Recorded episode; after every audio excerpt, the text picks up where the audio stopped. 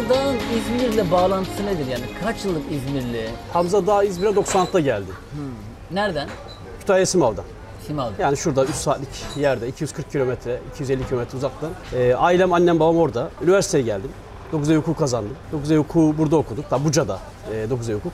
2000 yılında mezun oldum. E, 96'dan itibaren işte 2021. 2011'den sonra milletvekili olsam da yani halen e, İzmir'de yaşantımın büyük bir kısmını İzmir'de geçirdiğim için yani o bölümü de İzmir'den ayrılmış olarak kabul etmiyorum. Yani 25-26 yıldır e, buradayım yani. Daha doğrusu şöyle diyeyim 16 yaşında gelmiştim. Belki öyle daha net anlaşılır. Küçük bir şehirden e, büyük bir şehri e, ilk geldiğim, ilk gördüğüm aslında dünyaya gözlerimi açtığım bir yer. Yani şimdi belki çocuklar biraz önce de yaptığımız sohbette çocuklar telefonla dünyayı okumaya başlıyorlar da yani bizim o zaman öyle bir durumumuz yoktu. Bizim dünyaya baktığımız yer bulunmuş olduğumuz ilçe, çevre. Yani dünyaya geniş çerçevede gözümü açtığım yer İzmir diyebilirim. Hep şey vardır ya böyle İzmir'in kızları çok güzeldir falan diye. Aslında bence erkekleri de çok yakışıklı. Erkeklere haksızlık yapılmıyor mu burada? Şimdi İzmir kendisi güzel bir şehir. Yani iklimi güzel, coğrafyası güzel, manzara, yeşil, mavi, metropolü ayrı bir güzel. Metropol dışı Çeşme, Kiraz, Beyda, Küçük Menderes, Bergama, Bakırçay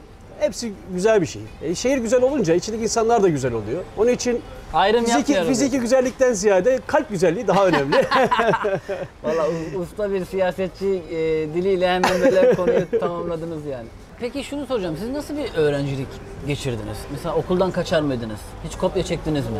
Ya genelde ilkokuldan itibaren sınıfın bir ya da ikincisi olan, bazen bir bazen ikinci, yani genelde yarışan, e, sınıfta ön planda olan birisiydi. Yani Hamza da. Hep bir değildi. Bazen ikiydi, bazen üçtü, bazen birdi. Yani sınıftaki e, duruma göre e, bir durum söz konusuydu. Çok öyle kaçtığım olmazdı. Hatta boş derslerde bile kaçmaktan çekinirdim. Boş dersten sonraki derse yetişemem diye. Ya kopya çektiğimi söyleyemem. Çünkü beceremezdim zaten. Yani kızarırdı yüzüm. Yani şimdi kopya Ben ver- denedim. kopya kopya verdim mi derseniz de sağdan soldan böyle çok dürtülünce insan ister istemez Biliyorsun üçer kişi oturuyorduk biz sıralarda. Biri soru biri soru derlerdi. Ama o da kopya çekmek için çok e, elverişli bir imkandı ya. Şu anda o da yok yani. Yani üçer kişi oturuyorduk yani sıralarda. Allah kolaylık versin hocalara. Gerçekten iyi idare etmişler bizi hepimizi yani. Tabii öğrencilik yıllarında şey- şeydir yani hani kop- kopya vermediğin zaman da teneffüslerde falan sıkıntı da olabilir. Yani o zaman şey gözüyle yani oyun bozan. oyun bozan tam tabir o. Oyun bozan gözüyle bakılıyor yani. Fit bir yapı var sizde. Spor Yani yapar mısınız? spor eskiden beri var tabii spor bizde. Her İmam Hatipli'de biraz güreş vardır. O o yıllarda var. Biraz spor oynamışlığım da oldu. Bir Simav'da Eynal Spor Önce gençlik spor, sonra Eynal Spor var. Orada top oynamışlığımız da oldu. Daha sonra da yani ara vermeden yürüyüşleri mümkün olunca yapmaya çalışıyorum. Koşuyu çok seviyorum. Yani yürüyüşleri de trekking, dağ yürüyüşünü e, çok keyif alıyorum ondan. Yani hem spor yaparak keyif alıyorum hem de kafamın rahatlaması yönünden e, keyif alıyorum. E, ama tabii son dönemde bu görevleri aldıktan sonra biraz işimiz zor yani. Ya vaktimiz olmuyor yani. Şey soracağım. Siz şu anda AK Parti'deki en önemli görevlerden birindesiniz.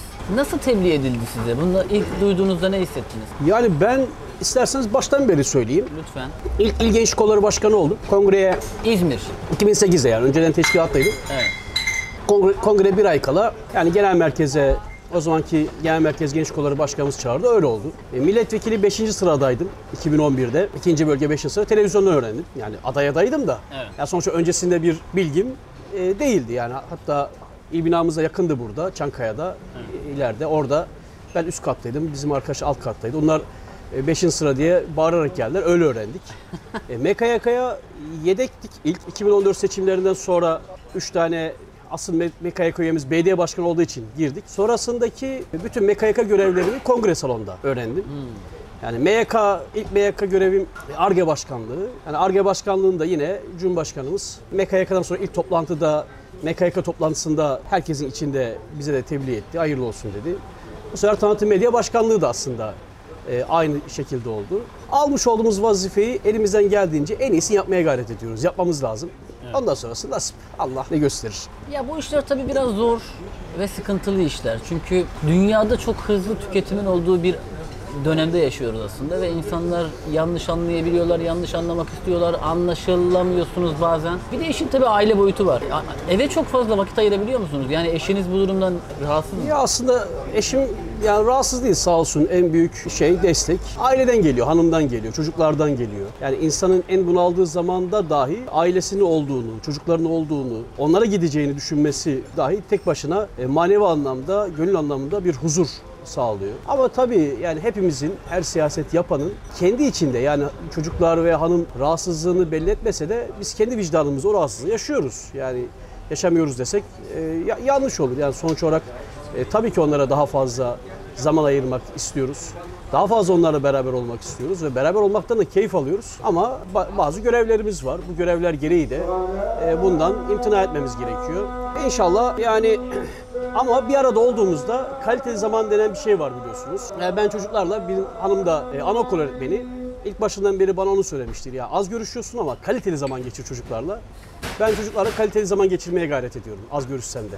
Siz tabii birçok seçim kampanyası yürüttünüz. Hem sahada hem masada fotoğrafı gören taraftasınız. Üyesi olduğunuz parti ve şu anda önemli olduğunuz, önemli bir görevinde bulunduğunuz AK Parti ülkenin büyük bir bölümünün oyunu alıyor. Fakat İzmir'de sonuç olarak birinci parti olamıyor. Bu sizi, bu durum sizi üzüyor mu? Ya tabii şimdi insan kendi bölgesinde, kendi seçim bölgesinde de kendi partisinin birinci olmasını fazlaca istiyor. Yani ben sonuç olarak AK Parti için de 2007 seçiminden bu yana bütün seçimlere, 2007'de de gençlik kollarında idim o zaman. Sadece 2004 ve 2002'de aktif siyasetin içinde değildim. Ama 2007'den itibaren aktif siyasetin ve bizzat seçimlerin bizzat içindeydik. Burada yani birinci parti olması e, hep arzuladığımız e, bir şeydi. E, olmayınca bir de sorumluluk makamında da olunca insan bundan üzülüyor ve sorumluluğu kendisinde hissediyor. Yani daha fazlası olması için de hemen her gün, her e, an çabaya devam ediyoruz. AK Parti'nin İzmir'deki trendi yükselişte mi, stabil mi? Yükselişte yani şöyle yükselişte 2002'ye göre bakacak olursak yani 2002'de biz %17 oy almıştık. Üçüncü parti olmuştuk. Aslında Genç Parti ikinci parti olmuştu. AK Parti Cem Uzan. üçüncü parti olmuş. Cem Uzan o zaman ikinci parti olmuştu. Yüzde 39.4 en son e, yerel seçimlerde Cumhur İttifakı olarak almış olduğumuz o yüzde 40'a yakın e, bir oy e, aldık. Aslında yani dolayısıyla bir bir, yükseliş var bir yükseliş var. Yani bu yükselişi daha da biz devam ettirmek istiyoruz, arzuluyoruz. Yani bunlardan da eksikliği kendimizde görüyoruz. Daha fazla kendimizi e, anlatmamız lazım, bize anlatmamız lazım diye düşünüyoruz. Tabii ki rakipleri de burada takip de ediyoruz. Yani rakiplerin e, yapamadıklarını da e, zaman zaman burada hemşerilerimize paylaşıyoruz. Bizim daha iyi yapacağımızı onlara anlatıyoruz. Bir gün Allah'ın izniyle İzmir'de de e, daha fazla hizmet etme imkanı e, İzmirli hemşerilerim bizlere verecek yani. Vallahi bunu yaşayıp göreceğiz hep beraber. Hep beraber göreceğiz. Yani ben buna e, inanıyorum. Çünkü İzmir'i biliyorum. İzmirliyi biliyorum. Ke- Yani bizi biliyorum. Partimizi biliyorum. Yani bizim niyetimizi e, onlara daha iyi bundan sonra anlatıyoruz zaten. Sürekli anlatıyoruz. Anlatmaya da devam edeceğiz ve burada ya gerçekten İzmir'de e, yapacağımız çok iş var. Bu ya bu görevler e, sadece bir makama talip olma görevleri değil, o bölgeye hizmet etme derdi, tasası. Yani bizim işte trafikten kentsel dönüşüme kadar çok yapmamız gereken işler var. Evet. Ee, yani şu anda mevcut arkadaşlar da yapması gereken işler var. Ama bunları her seferinde söylüyoruz. Yani biz daha iyi yapacağız. Biz daha iyi yapıyoruz. Bugüne kadar örnekler de bu şekilde. Ee, Daha dertli olduğumuzu düşünüyorum. Konuda daha heyecanlı olduğumuzu düşünüyorum. Yani inşallah bunu daha fazla insanımızla bir araya gelip e, anlatmaya devam edeceğiz. Dediğim gibi ya önümüzdeki seçimlerde e, ben e, bu noktada e, ciddi değişimler olacağını düşünüyorum Evet bunu da hep beraber yaşayıp göreceğiz. inşallah. Siz sosyal medyayı aktif kullanan birisiniz. Hatta zaman zaman retweetler de yapıyorsunuz ki bu siyasetçiler için çok alışık olunan bir durum değil aslında. Hangi sosyal mecraya kendinizi daha yakın hissediyorsunuz? Mesela Instagram mı, Twitter mı, Facebook mu? Instagram. mu? Instagram. Vay. Yani e, daha böyle soft, Kavganın olmadı. Ya- yapıma yapıma çok daha uygun. Yani ben öyle bir yapım var işin doğrusu. Herkesin farklı yapısı vardır. Belki bulunmuş olduğum görev biraz daha e, zaman zaman e, sertleşmeyi e, gerektiriyor. Bunu da e, yani cevap vermelerde, konuşmalarda yapmaya gayret ediyorum ama benim bir yapım var. Bu yapımı da biliyorum. Nasıl bir yapıda bir insan olduğumu da biliyorum. Yani o yapıma uygun olan alanında yani sosyal me- e, mecralarda Instagram olduğunda çok açık, net, rahat bir şekilde söyleyebilirim yani. Yani o zaman Hamza da iyi bir Instagram kullanıcısı diyebiliriz yani. Ya iyi bir Instagram kullanıcısıyım.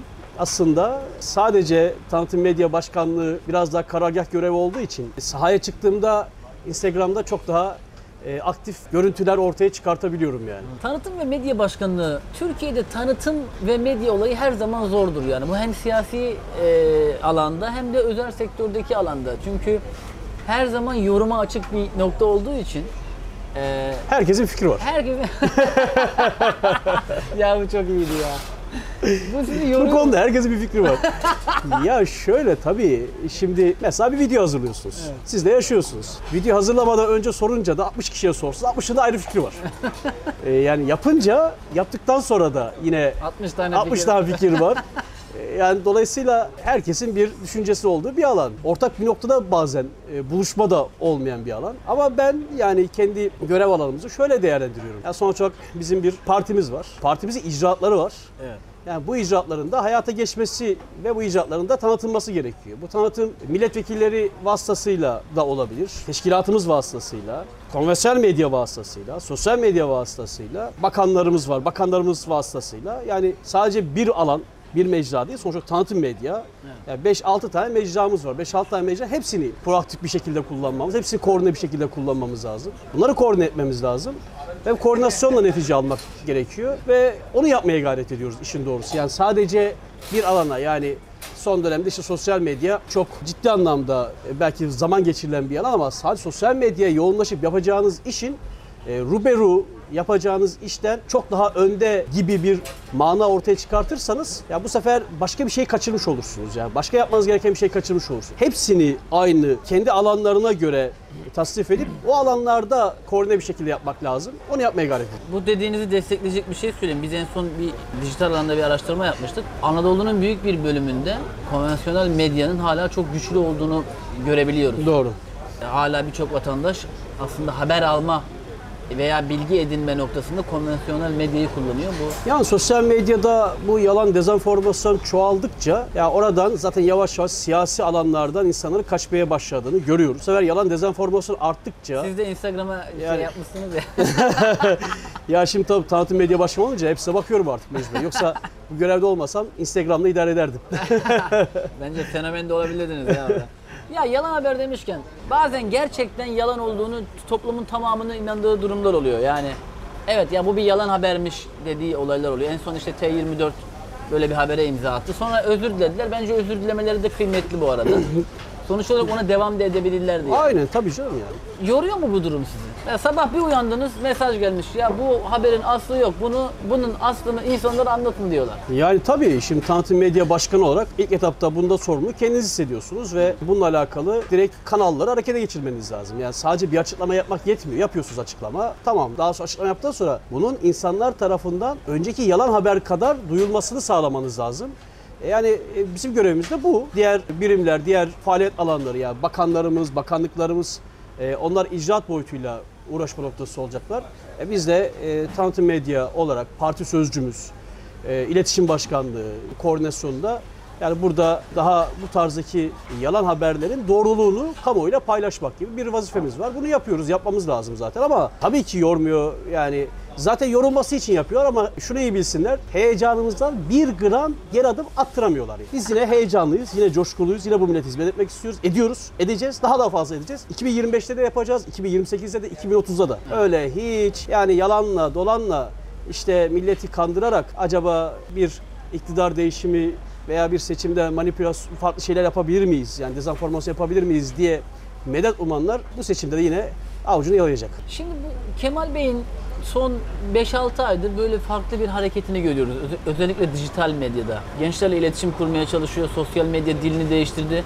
Bunu çok başarılı bulanlar var. Çok yapmacık bulanlar da var. Yani toplumun iki kesimi de farklı şeyler düşünüyor. Sizce Kemal Bey 2023'te Cumhurbaşkanlığı için adaylığını ortaya koyar mı? Ben o kadar cesaretli olduğunu düşünmüyorum. Koyarsa şaşırır mısınız?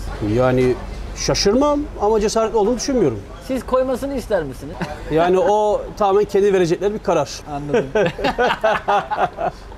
Eyvallah. Yani biz tamamen kendimize bakıyoruz da kendi ittifaklarında bir noktaya gelsen ama ben e, Kemal Kılıçdaroğlu'nun o kadar cesur bir siyasetçi olduğunu düşünmüyorum. Hamza da ne izler? film Hamza da, Hamza da ne izler? Sanki böyle siz de aksiyon filmleri çok sever bir hava, hava görüyorum yani. Yanılıyor muyum acaba? Ya şöyle söyleyeyim. Yani izlediğiniz bir e, dizi var mı deseniz bir dizi yok. Yani çünkü buna öyle devamını izleyecek bir zamanım yok. Yani bir ara şey bolca izlemiştim House of Cards e, Netflix'ten. O da belli bir süre sonra zaten e, Bozdu. bozdu. Yani şey şöyle eskiden yani çekilmiş ben 3. 4. bölüme kadar herhalde e, izledim. Yani o tam şey yapmaya başladıktan sonraki bölümlerini hiç e, izlemedim. Sinema olarak da ya uzun zamandır da vakit bulup da bir sinemaya gitme imkanım da olmadı. E, daha böyle ya bizim için gün içinde e, beynimiz sürekli bir e, aktivite halinde bir yorgun içinde olduğu zaman yani evde ya sakince oturmayı e, yeğliyoruz ya da maç falan varsa maçla daha böyle tefekkür ederek geçirmeyi e, daha doğru buluyoruz yani. ya da müzik dinliyoruz. Hakemlere Müzik kızar, dinliyoruz. hakemlere kızar mısınız hiç? Çok kızmam. Az. Yani çünkü çok e, fanatik bir taraftar değilim yani. Orada da öyle bir fanatik bir taraftarım yok. Maçı sadece e, zevk olsun diye izlerim yani. Göztepe'ye çok güzel bir stadyum yapıldı. Harbiden Allah'a şükür. 10 numara 5 yıldız ya. Ben Tebrik ediyorum emeği geçenleri. Çünkü ben dünyanın farklı yerlerindeki stadyumlara da gidiyorum. Böyle hep yani son 10 yıldır demek herhalde yanlış olmaz. Türkiye'de çok güzel stadlar yapıldı. Yani Trabzonspor aynı şekilde Bursa, Kayseri e, ve Göztepe. Hatta yakın bir tarihte de Sayın Cumhurbaşkanı da e, o, Göztepe'ye geldiler. Göztepe'ye geldiler. E, stadın açıldığı gün ne hissettiniz? Siz iyi bir İzmirlisiniz çünkü. Bir de Alsancak da devam ediyor şu anda. Ya şöyle, e, bu üst statta da bizim Binali Bey, milletvekillerimiz, bizim çok ciddi katkımız var. Üst stat dediğim şöyle, Karşıyaka, Ha, karşı. Alsancak, Alsancak, ve Göztepe. Göztepe. Biz Karşıyaka'ya en önce başlamıştık.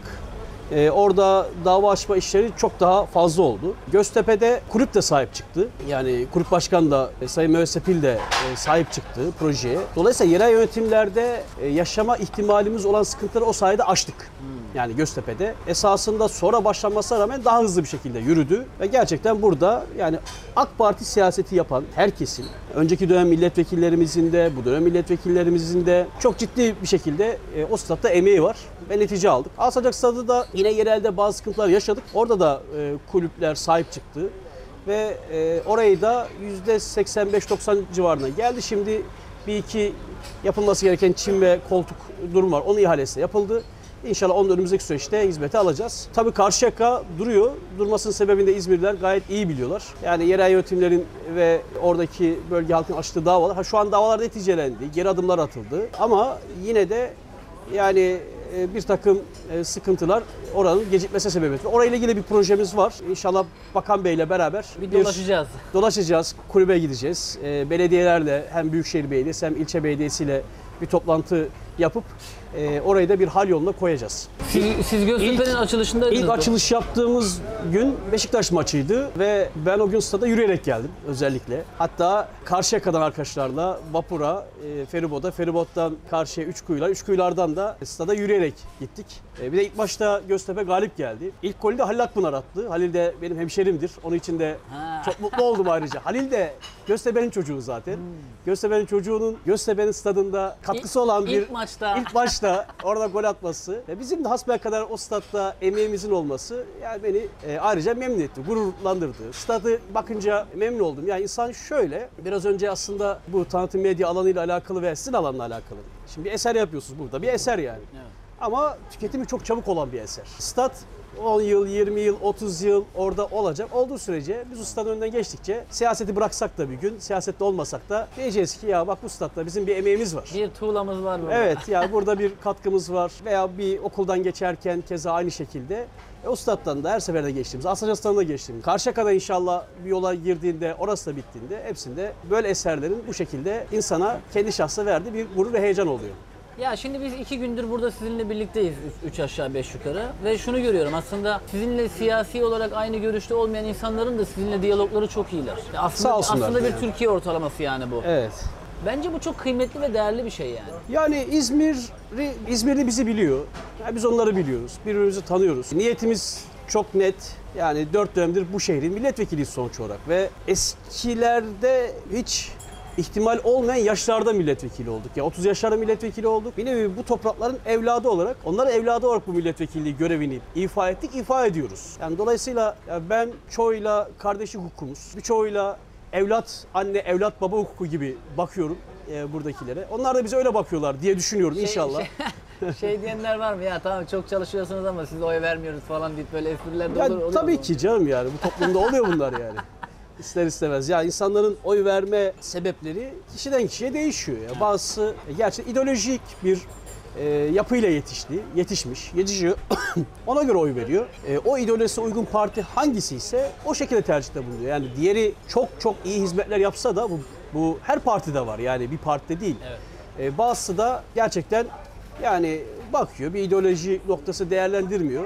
Kendi e, hayatı var. Kendi hayatına göre ve geleceğine göre, gelecek veri, veri- ümitlere göre bir oy verme tercihinde bulunuyor. Dolayısıyla yani zaten seçim sonuçlarını belirleyen de genelde e, o ortada olan e, belki 9 puan, belki 10 puan duruma göre olan bir kesim oluyor. Dediğim gibi ideolojik anlamda yani oy e, tercihinde bulunan insanlar e, sizi iyi bir insan olarak bir yere konumlandırabiliyorlar. İyi hizmetler yapacağınız noktada bir yere konumlandırabiliyor ama oy verme tercihi bugünkü siyasal partilerden, ideolojik olarak hangisi yakınsa ona göre şekilleniyor ve bunu da ifade etmekten imtina etmiyorlar. Biz de eyvallah diyoruz yani. Evet. Tabii bütün bu süreçleri e, hep beraber yaşayıp görüyoruz aslında. Ama önemli olan aynı istikamete doğru yani hep birlikte hem siyasi olarak farklı görüşlü olanların hem farklı renkleri sevenlerin daha iyi bir Türkiye için, daha müreffeh bir Türkiye için koşturduklarını biliyoruz. Ama sizin siyasi oluşumunuz biz bunu daha iyi yaparız diyor. Diğer taraf daha iyi yaparız diyor.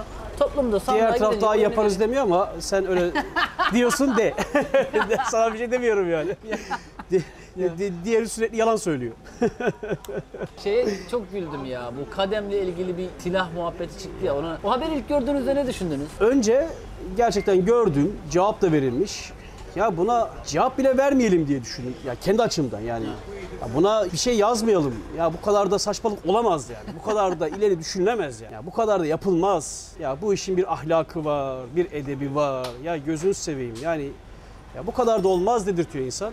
Ama sonunda arkadaşlara değerlendirdik. Yani bir cevap vermemiz gerektiğini. Biz de bir e, cevap e, hazırladık ve verdik. Ama ya samimi olarak söylüyorum yani e, bu işin de bir ahlakı olsun. O kadar da olmaz yani. Yapın ama az yapın. Ya yapmayın yani yapmayın ama biliyoruz ci- mizacınız bu, yapınız bu. Bundan zevk alıyorsunuz demek. Ama yani bu kadar da olmaz dedirtiyor insana.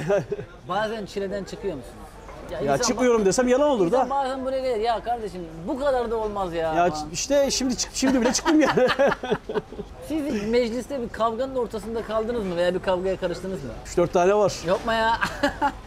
şey mi? Yani videolara bakılınca çıkabilir. Ne yazık ki yani yumruk atmışlığım bile oldu yani. Yapmayın ya. Yani kötü bir gündü o gün. Yani şöyle anlatabilirim. Vodafone Park'ta maçtan sonra bir bomba patlama olayı olmuştu biliyorsunuz. Bizim Altındağ semtinde bir polisimiz şehit olmuştu orada. Akşam da aileyi ziyarete gittim. Babası çok metin bir adamdı. Hiçbir şey demedi. Ee, Bir gün sonra işte namazını kıldık. Şehidi uğurlarken oradan e, eşi de hanımı da e, polisti. Yani bir, bir evlat daha bekliyorlar anladığım kadarıyla. Kucağına evladını almış.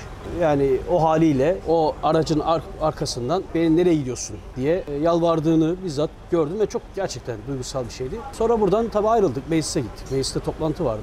E, genel kurul vardı. Yani HDP milletvekilleri yani her zamanki o bölücü mantıklarıyla ve o PKK ile bağları noktasındaki yani zaten inkar etmiyorlar ve aynı söylemlerini o günde devam ettiriyorlardı. Yani aslında yani iki milletvekili bir de benim eskiden de bildiğim, tanıdığım muhafazakar camiadan gelen milletvekilleri bunu çok yapıyordu. Sürekli meclis kürsüye çıkıp konuşuyorlardı. Ben biraz onlara dayanamadım. Aslında onlar üzerine gittim ama onlar kaçtılar. Hamza da arkasında ne konuşulmasını ister? Bir gün her şeyden elini eteğini çektiğinde insanlar sizinle ilgili Ya iyi adamdı ya. İyi adamdı. Elinden geleni yapmaya çalışıyordu.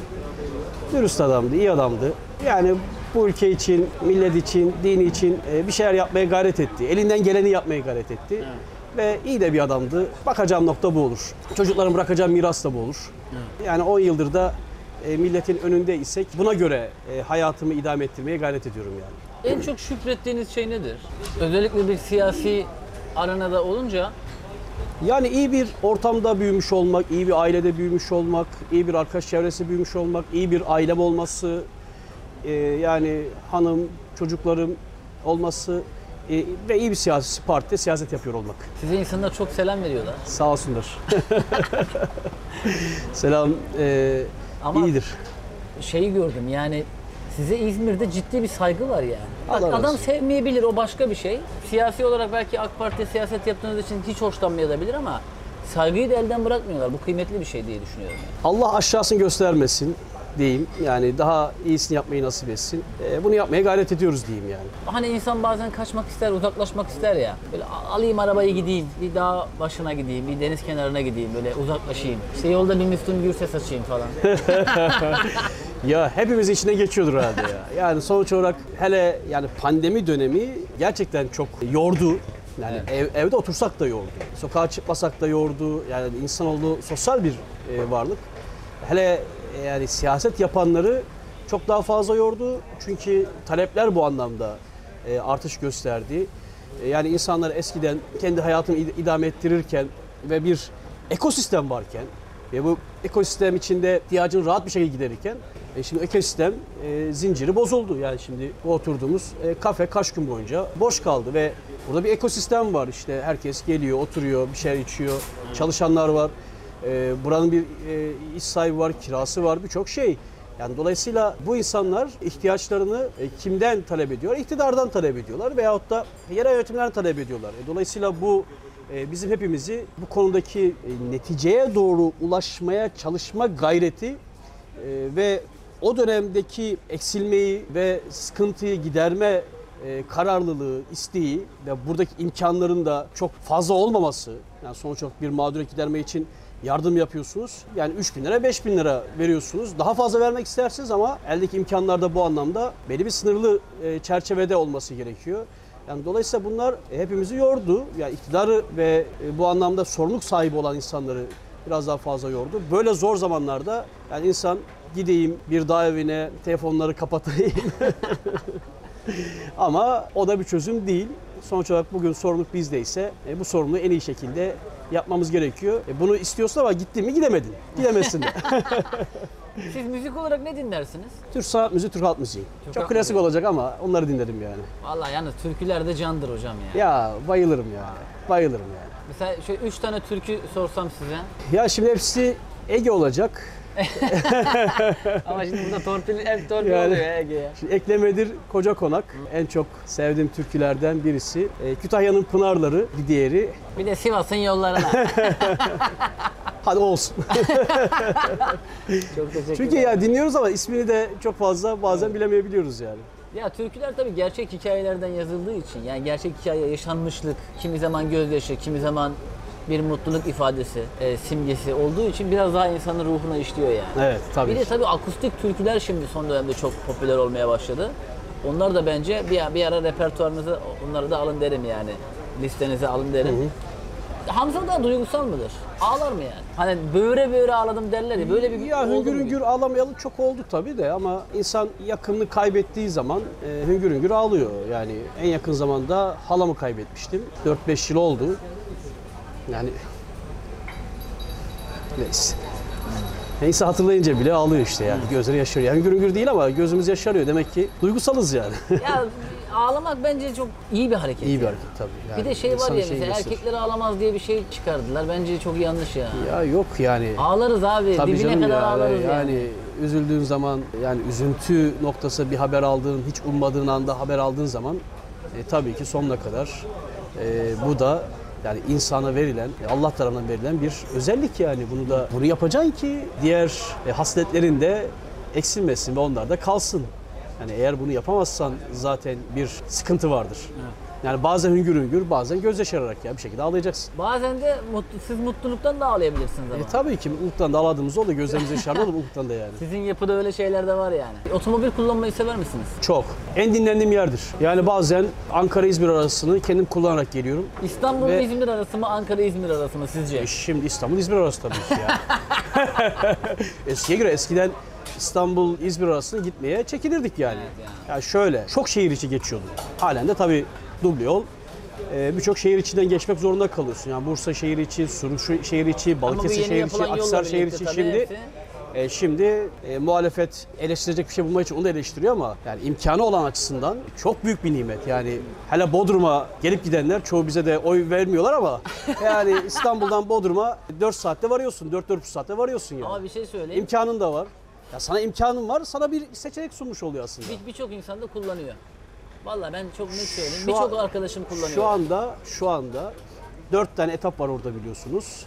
Ee, bunlar yani garantileri pandemiye rağmen karşılanıyor. Yani kullanılıyor ki karşılanıyor. Evet. Yani seçenek Biz- sunuyor. Biz de mesela yeni o işte o yeni yapılan yolu kullandık. Kere gerçekten şunu parantez içerisinde koyalım. imkanı olan açısından inanılmaz bir rahatlık ve kolaylık. İki buçuk saatte gelmişsinizdir. İşte o civarda. Neyse çaktırmayalım. Abi çok o, zaman, o zaman Vallahi İçişleri Bakanı'nı affetmiyor. Süleyman Bey şey yapıyor ama bir açıklama yaptı geçen gün İçişleri Bakanımız. Otobanlarda bir e, hız, hız konusunda- sınırlaması olacak şey. Ama yapması lazım ya bir düzenleme yapılması lazım. Doğru. Ya şimdi o yol yapılıyorsa 120 olmuyor abi. Araba ağlıyor yani orada şimdi. Doğru. Biraz daha bir... Arttırmak lazım. Ama orada mesela sizin de bence devreye girmeniz lazım yani. Gireriz ya. Sayın Bakanım. Gireriz gireriz. Ama o e, tavuna geliyor yani. Demire tavunda dövülür. yavaş yavaş. o nokta geliyor. Olur yani inşallah. ya mesela İstanbul'da da Avrasya Tüneli evet ücret olarak biraz pahalı ama bazı vatandaşlar için inanılmaz kolay. Mesela ben Fatih Ya Portakal'la İstanbul çok röport- bilmiyorum ama şöyle bir düşünsenize Avrasya Tüneli olmamış olsaydı, Marmaray olmamış olsaydı yani o İstanbul'un trafiği şu anda ne olurdu ya bu şey köprünün. Şimdi bunlara da karşı çıkmışlardı bazıları. Yani şimdi e, Sapan. Sapanca'dan Sapanca'dan giriyorsun, karşıya geçiyorsun ya hiç İstanbul'un içine girmeden. Kuzey Marmara'nın son etapları açıldıktan sonra inanılmaz bir şey oldu orası. Evet. Yani imkanı olan açısından bir seçenek sunuyor. Devlet bütçesine de yakında katkı da başlayacak. Yani bir katkı da başlayacak devlet bütçesine. Garantileri karşılamaya başladı. Pandemi olmasa iyice karşılayacaktı. Mesela Yavuz Sultan Selim Köprüsü e, 2027 yılında garanti süresi bitiyor. Ve devletin oluyor. Bir kuruş harcamıyorsunuz. Böyle bir e, köprüden istifade ediyorsunuz. E, ama diğer taraftan e, oraya bir kaynak ayırmadığınız zaman bu kaynağı ne yapıyorsunuz? Doğuda Malavadi Köprüsü'nü yapmanız gerekiyor. Onu yapıyorsunuz yani. Evet. Güneydoğu'da da çok güzel köprüler ve yollar yapıldı ya. Birbirini Ya altyapıda çok iyi işler yapıldı. barajlar. Gerçekten bizim altyapı ihtiyacımız vardı. Yani şimdi parayı betona ve inşaat döktünüz diye muhalefet zaman zaman konuşuyor ama yani herhalde ülkenin 20 sene öncesini veya 10 sene öncesini bilmiyorlar. Yani bunu yapacaksın ki bugün bu sayede ya bu yollar sayesinde sanayi Anadolu'ya gitmeye başladı. Yani bugün bir Çankırı, bir Bilecik, bir Uşak, Karaman, Aksaray yani buralar organize sanayi bölgesi noktasında inanılmaz bizim dönemimize mesafe kat etmiş yerler. Manisa, İzmir. Yani bunlar altyapıyı sen devlet olarak yapacaksın. Sonrası iş adamı oraya gelip yatırımını yapacak. Ve bir de teşvik vereceksin. Tabii hepsi iş adamına kalmayacak yani. Yalnız eğer o altyapıyı yapmazsanız gelmez. Niye gelsin? Nasıl gelsin? Sonuçta orada ürettiğini bir nakliye ile limana veyahut da ülkenin başka bir bölgesi ulaştırması gerekecek. Evet. Yani bunda bir zorluk yaşarsa bugün e, yani İzmir'den çıkan bir meyve e, İstanbul haline e, 3,5-4 saatte ulaşıyor. Önceden bu 10 saat. Bu buradaki çiftçiye de katkı sağlayan bir şey. Yani aslında baktığınızda sadece buraya verilen paraları gündem yaparak bir şekilde başka bir dezenformasyon yapıyorsunuz. Normal şartlarda yani bunun işte o çiftçiye getirmiş olduğu katkı, buradaki alan kişiye bunu götüren kişiye, nakliyeciye getirmiş olduğu katkıyı gündeme getirmiyorsunuz. Bunu da biz gündeme getirmemiz lazım. Biz gündeme getiriyoruz işte. Siz ilk otomobilinizi ne zaman aldınız? Genelde 18 Kend- yaşında ehliyet alınca hemen şey oluyor ya mesela. Yok canım Şahin imkanlar ya. ha babam babam 79 model bir Renault'yu 89 yılında almıştı. 79 modeldi. Ben 2004'te büro açtım e, İzmir'de. Üç arkadaşımızla beraber Avukatlık e, bürosu. avukatlık bürosu. Allah nasip etti. Normalde avukatlık bürosu açarken belki iş tutturabilecek miyiz, yürütebilecek miyiz? Üç tane arkadaş burada hem ev ihtiyaçlarımızı, kendi ev kiramızı, büro kiramızı karşılayabilecek miyiz diye düşünürken Allah arka arka işler nasip etti. Gerçekten ben şunu gördüm. Yani bir işe girdiğinizde, bir evlendiğinizde, iki evlat sahibi olduğunuzda e, bir yerlerden bir rızkın geldiğini ben gördüm. Bir de Ve- eve misafir geldiğinde. bir de misafir geldi. Çok güzel. Misafir zaten biliyorsunuz eve misafir geldiğinde birini götürür dokuzunu bırakırmış. Evet. ya dokuz katını yani. Bir de öyle Dokuz bereketli evleri ben şey çok seviyorum. araba araba işini değil. E, büro açtığımızın 5. ayında 99 model bir Toyota Corolla almıştık. Toyota Bu Corolla. eski ye- yere yakınlar vardı. Aynen. Çok güzel arabalardı onlar. Halen halen onları gördüğüm zaman çok severim o arabaları. Toyota ben hiç kullanmadım ama biz bizi bizi de mesela Toros vardı. Benim de babamın Renault'su vardı. Toros'u vardı. Renault 12 diyorlar galiba onlara. Renault 12, Toroslar ayrıydı. E, bizim Toros değildi önce, Renault 12 idi. Ha, Renault 12. Renault Ha, 12. Bizimki Toros'tu abi. Toros sonra Toros da aldık canım. Beyaz mıydı? Beyaz. Anadolu'nun vazgeçilmezidir onlar biliyorsunuz. Evet aynen öyle. Yani Renault, Toros, hatta yani bizim orada lüksü de Renault'dur. Yani lüks Laguna'ya biner, Evet. Megane'a biner, o lükstür. Ama Toros yani dağ, bayır, yani maşallah eskiden biliyorsunuz insanlar ulaşımı eşekle sağlıyordu. Yani Toros yani gerçekten arabanın en sağlamı ve en kralıydı. Kralı ya yani dağ bayıra sür. Arabayı Toros'la öğrenen e, gerçekten iyi şofördür. Ben. Yani ben sen kesin iyi şoförsündür. ben de öyleyim bir de, çünkü. bir de onların bakımı ve tamiri de çok kolay. Malzemelerini her yerde bulabiliyorsun. Aynen öyle. Gidiyorsun sanayide bir yerde Aynen yapabiliyorsun. Şimdi yani. abi arabalar 10 bin bakımı, 20 bin bakımı falan. Bu. Ya hepimiz artık Şeyin havasını attın mı abi hiç? Mesela bir depoyla şuradan şuraya gittim muhabbeti vardır ya erkekler arasında. İşte bir depo mazot doldurdum İstanbul'dan Trabzon'a gittim, Ordu'ya gittim falan diye. ya gazlı arabayken yapıyordum da. yani mazotlu arabayken de gerçi mazotlu oldu. Benzinli de kullandık. Yani onu hızlı kullanıyorsan diyemezsin zaten. Yani ben şeyde yani eskiden yani araba kullanmada 99'u geçmezdim. Onun için de rahat rahat bu muhabbetler yapardım yani. Ondan sonra zaten farklı şeyler oluyor. Çift açıyor, müft açıyor falan. Yakıt biraz daha fazla oluyor. Tabii. Siz kaç yaşında evlendiniz? 25. Erken bir evlilik. Yani üniversite mezunu noktası erken bir evlilik. Yani genelde Ben de tabii ben size erken diyorum ama ben 21 yaşında evlendim yani. bravo yani. ben Bana bana diyorsun bir de ya. yani ben 23 yaşında nişanlandım. 25 yaşında evlendik. 2005 yılında burada Karşıyaka Nikah Sarayı'nda evlenmiştik. Bir şey söyleyeyim mi? Aslında belki daha sonra yayınlanacak ama bugün de benim evlilik yıl dönümüm. Vallahi süper ya. 2, 2 Temmuz bugün Vay. akşam eve gidince kızım hatırlattı. Neyse buralarını kesersiniz artık. Vallahi kesmeyiz bunu. En önemli yer burası.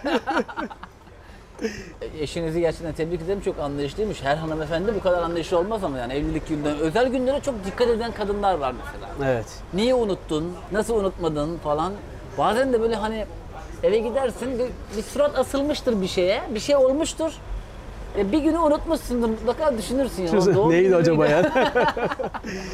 ya biz o konuda Allah aşkına çok şanslıyız yani. Ama onu unutma, unutmamaya da çalışıyorum. Bir de sınırladık işte. Nişan günü de 14 Aralık nişan günüydü. Yani nişan günü falan yapmayalım dedik.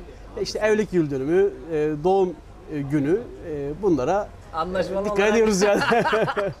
Vallahi çok iyi ya. Peki evde Hamza daha söz- evde diyeceğim ama gerçekten çok evde de durmuyorsunuz şu sıralar yani. yani evde al- sağ olsun hanım çocuklarla çok yakinen ilgileniyor. Kendisi de öğretmen aynı zamanda. Biz de ilgilenmeye gayret ediyoruz. Yani evde sözüm geçeceği bir ortam yok. Ben de ben de razıyım hanımın sözün geçmesine. Yemek seçer misiniz siz? Seçerim tabii yani Bir- ya insan öyle bir şey hissettim bir, ben yani. bir damak tadı oluyor. Yemek yapar mısınız peki? Ya yemek uzun zamandır yapmıyorum. Tabii öğrencilik yılımız, yıllarımızda çok yaptık. Mesela. Yani yapmayı da bilirim. Yani menemen de yaparım, kuru fasulye de yaparım. Bizim tarhana çorbamız vardır.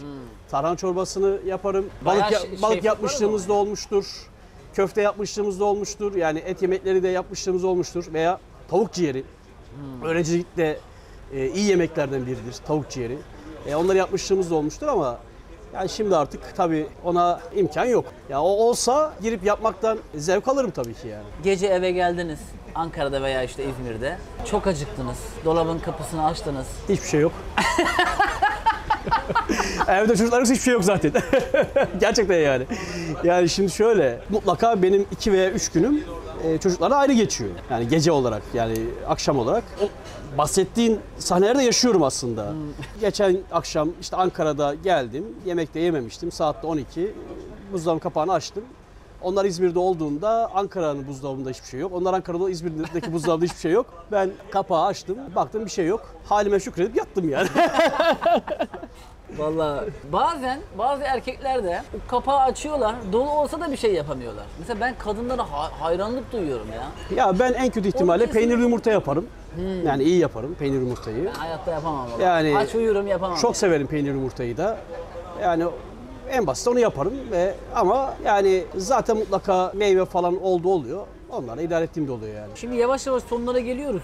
Türkiye artık yavaş yavaş seçim sattığına da giriyor yani 2022 sonrasında işte 2023 ile ilgili seçimler daha çok konuşulmaya başlanacak ki Sayın Cumhurbaşkanı da bu konulara noktayı koydu aslında. Yani seçimin tarihi aslında belli dedi. Bence de Türkiye zaten bu erken seçimlerden çok çekti şu ana kadar. Yani bunlar ekstra bir masraf, maliyet vesaire vesaire. 2023 seçimleri nasıl görüyorsunuz? AK Parti'nin sizce bir sıkıntısı var mı? Ya ben bir sıkıntısı olduğunu düşünmüyorum. Pandemiden kaynaklı dünyada yaşanan küresel sıkıntıdan dolayı e, bir dönem geçirdik. E, Zor bir dönemdi. Evet. E, İnşallah yavaş yavaş geride bıraktık. Şimdi dün Almanya'da sınırları bu anlamda açtı. Rusya daha önce kaldırmıştı. Yani bu yaz e, turizm sezonumuzu iyi geçişi gözüküyor. İhracat rakamları da açıklandı. Yani ihracat rakamlarında da iyi e, bir gidişatımız var. E, ekonomiyi e, iyi bir noktaya doğru götürüyoruz. Ferdi insanlara dokunan işleri de inşallah e, bundan sonra daha çok e, yapacağız. Ve ben 2021 iyi bir büyümeyle bitireceğiz. 2022 iyi bir büyümeyle bitirip 2023 seçimlerinde çok daha iyi bir netice. Yani şunu da söyleyebilirim. 2018'den daha iyi bir netice e, alacağımızı e, düşünüyorum. Yani hem Cumhurbaşkanımızın oyu olarak hem de partimizin oyu olarak. Bu işler böyledir. Sonra 5 yıllık bir yetki alıyoruz. 5 yıllık yetki döneminde e, her zaman planladığınız gibi gitmiyor. Bazen tahmin etmediğiniz durumlar e, oluyor. Bu coğrafyadan kaynaklı sıkıntılar yaşayabiliyorsunuz. E, dedi yani Suriye konusu mesela e, o şekilde oldu. Ne bileyim Karabağ, Libya yani bunlar hepsi e, sizin bütün e, hem mali noktadaki e, politikalarınızı hem de idari noktadaki politikalarınızı etkileyebiliyor. E, bir de dünyayı etkileyen bir süreç yaşamış olduk. Biz 2018'de yetki aldığımızda böyle bir ortam söz konusu değildi. 2019'da da yoktu. Yani yaklaşık 15 aydır bir süreçle yaşıyoruz. Ya bunu da dediğim gibi hem bu süreci dünyadan pozitif ayrılarak geçirdiğimizi düşünüyorum. Milletimiz de taraflı tarafsız bunu da takdir ediyor, söylüyor.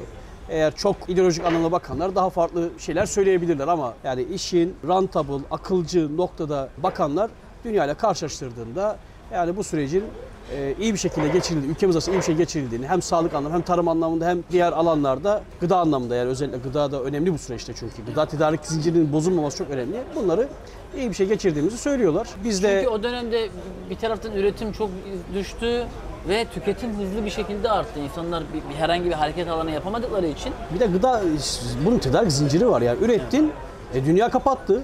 Hani diyorlardı ya buğdayı yurt dışından alıyoruz. Yani buğday yurt dışından alıyorsa ekmek verememekle karşı karşıya kalır. Çünkü geçen sene Nisan Mayıs'ta bir andaki panikle tüm dünya bütün bağlantıları kopardı. Senin kendi ülkende yeterli unun yoksa, buğdayın yoksa bu sefer ekmek ve ekmek ürünleri en temel gıda maddesi. Yani e, hepimizin en çok su ve e, hamur, e, ihtiyaç bunlar en temel gıda maddeleri. Bunun daha da e, tabii ya tedarik zincirinin sağlanmış olması.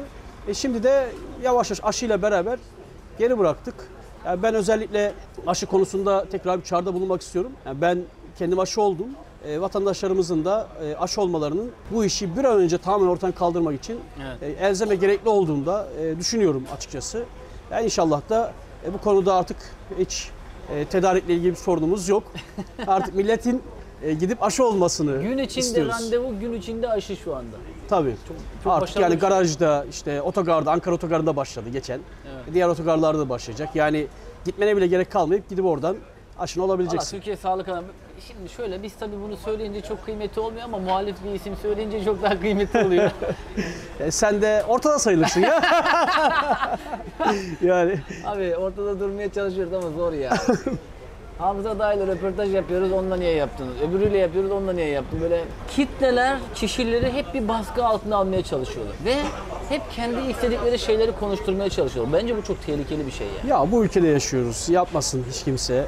Hepimiz de 84 milyonda bu ülkede yaşamaya Evet. devam edeceğiz. Aynen evet sorunlarımız var. Yani bu sorunları e, el birliğiyle e, çözme noktasında olacağız, olmamız lazım.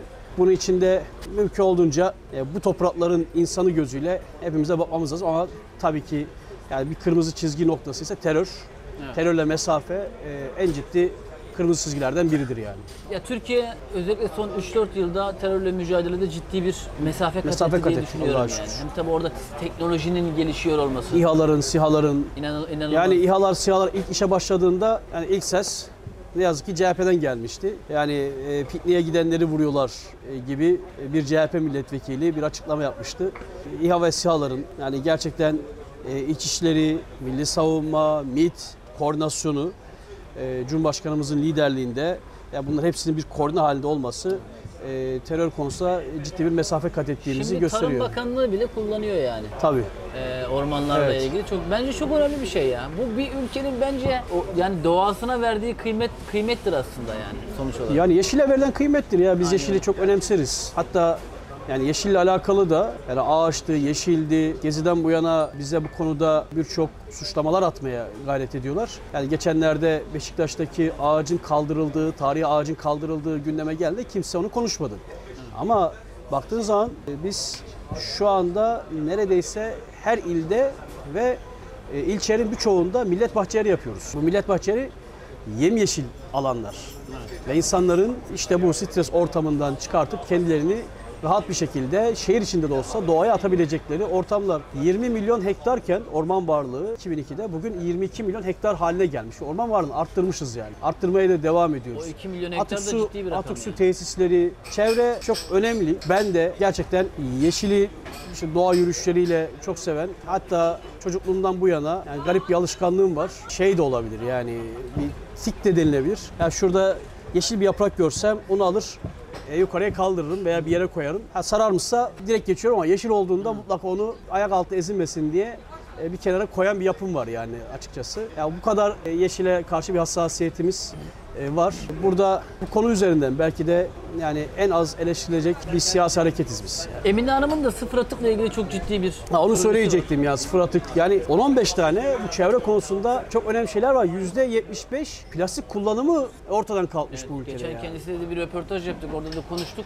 Ve sıfır atık ilk çıktığında, plastikler ücretli olduğunda e, nasıl bir e, yine dezenformasyona e, karşı e, geldiğimizi de unutmamamız gerekiyor. Ya şöyle siyasi olarak tabii ki karşılıklı atışmalar hep olacaktır. Tarih boyunca olmuştur ama en azından bizim bir orta alanda buluşabileceğimiz bu sıfır atık gibi projelerin etrafında daha güçlü birleşmemiz gerekir diye düşünüyorum. Doğru Mesela şimdi bu Mavi Vatan'da Evet. sıfır atık mavi bence çok önemli bir proje. Ben çok uzun bir süredir hep tatillerini e, mavi turla gerçekleştiren birisi olduğum için hem dalış yapıyorum hem e, orada yaşıyorum yani 10 gün, 12 gün, 13 gün neyse.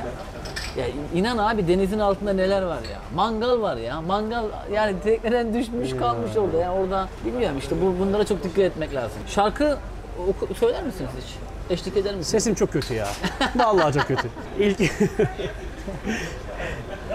orta 2'deyken, orta 1'deyken sesimin çok oldu, iyi olduğunu zannedip e, bir şarkı söylemiştim. Sınıfın hepsi bana güldü. O gün o gün jübile mi yaptın? yani o günden beri ve ki e, ne zaman evde de söylesem çocuklar baba sus gözünü seveyim derler. Şiir peki şiir okur musunuz? yani şiir e, tabii şeye Dinlerim. denk geldiğimizde yani hitap hitap edeceğimiz zaman mutlaka söylediğimiz olur yani. Bir de sizin tabii şöyle siyasette şöyle bir şey var ya. İnsanların gözünün içine bakarak konuşmanız lazım. Kendinizi anlatmanız lazım. Kısa sürede bunu yapmanız lazım. Sıkılmamalar lazım falan. Ya sizin işiniz gerçekten çok zor. Zor deme ya. Güzeldi. Zorluk ver. zor, zor, zor deyip de yorma bizi. Boş ver. Güzel, zevkli, heyecanlı. Sonuç olarak insanlara da hizmet ediyorsun, bir şeyler üretiyorsun. Dedim biraz önce yani bu zorluğun içinde e, bir eser ortaya çıkarttığında, o eseri gördüğünde bu esere benim de katkım var dediğinde bu da sana güzel bir katkı oluyor. Veyahut da bir insanın senden hastalıkla alakalı bir talebi oldu, onu çözdün. Bu bize bir mutluluk veriyor açıkçası ya. Bu görevlerde olduğumuz için olan işler bunlardan. E, bir gün tabii ki e, hep dediğimiz bu görevlerde bitecek. Yani inşallah e, daha yani bizden ehil ellere ama tabii bizim partiden ehil ellere bu işleri bırakacağız yani. Yine sosyal mesajı verdin. ben sizinle ilk kez oturuyorum ve çok keyif aldım. Ademciğim ben de çok keyif aldım. Dedim ya sana biraz önce. Ya iletişim iki kuvvetli adam bir araya geldiği zaman hiç sıkıntı olmuyor. Aynen. Benim, benim en büyük şeyim iletişim iyidir yani Bir gün insanlarla. sizi kampa kaçıralım. Ben mesela bunu Bilal Bey'e radyo yayınında Ya söylemiştim. vallahi çok memnun olurum. Ha, bir gece gidebiliriz canım. Bir gece Ne- kal- kalacağız ama Kalacağız, orada. kalacağız. tabii, Yatacağız. tabii. Ya sen ne diyorsun? Ben, ben bak askerde, benim üniversitenin sınıf arkadaşım aynı yerde askerlik yaptık. Askerde gece dağda yatma olayı olmuş bize gece eğitimde birinde. Buna şey düştü. Girişte Nizamiye'de bekliyor sadece. O kadar kebap bir askerlik yapıyor ki. Ben de bölükte, ben biraz sakıncalı personel demişlerdi bana. Onu da anlatırım sonra. Sakıca personel bölükten beni ayırmadılar. Kısa dönemim ama normal 18 ay askerlerle beraber taş taşıyorum, Oo. ot yoluyorum falan. Bir gecede dediler ki gece dağa çıkacağız, dağda çadırda kalacağız. Ben seviniyorum. Ahmet diyor ki bizim Nizami Ahmet. Ya oğlum ben apayrı bir Hamza daha görüyorum sen nasıl bir adamsın? Ulan diyor seni, seni ben keşfedememişim. Diyorum ne güzel işte. Ya çünkü bizim ya, yale derdik yale. Sizin yaylalar gibi değil. Ev değil. Bizim Nisan havalar ısınmaya başladığında benim işte ebem, ebe deriz de ebem, dedem e, yaylaya giderler. Yayla da çadırdır. Sezonluk. Tabii yani Nisan'da başlar, e, Eylül'e kadar devam eder. İkindiye kadar, akşama kadar herkes işini görür. İkindi de yaylaya gider. Ve ben e, çocukken hep köye giderdim. O yaylada kalmaktan inanılmaz keyif Bir alırdım. de orada da hayvanlar da vardır. Tabii hayvan zaten. Hayvan için yapıyorlar. Yani oğlaklar için bir ağıl var. Şeyler, e, keçiler e, dışarıda, inekler e, yaylenin etrafında bağlı. Keçiler bağlı değil. Akşam gelir keçiler, Sizde oğlaklar. orada köpek de vardır o zaman değil mi o şeylerin? Tabii köpek, köpek, köpeğin yalağı olur.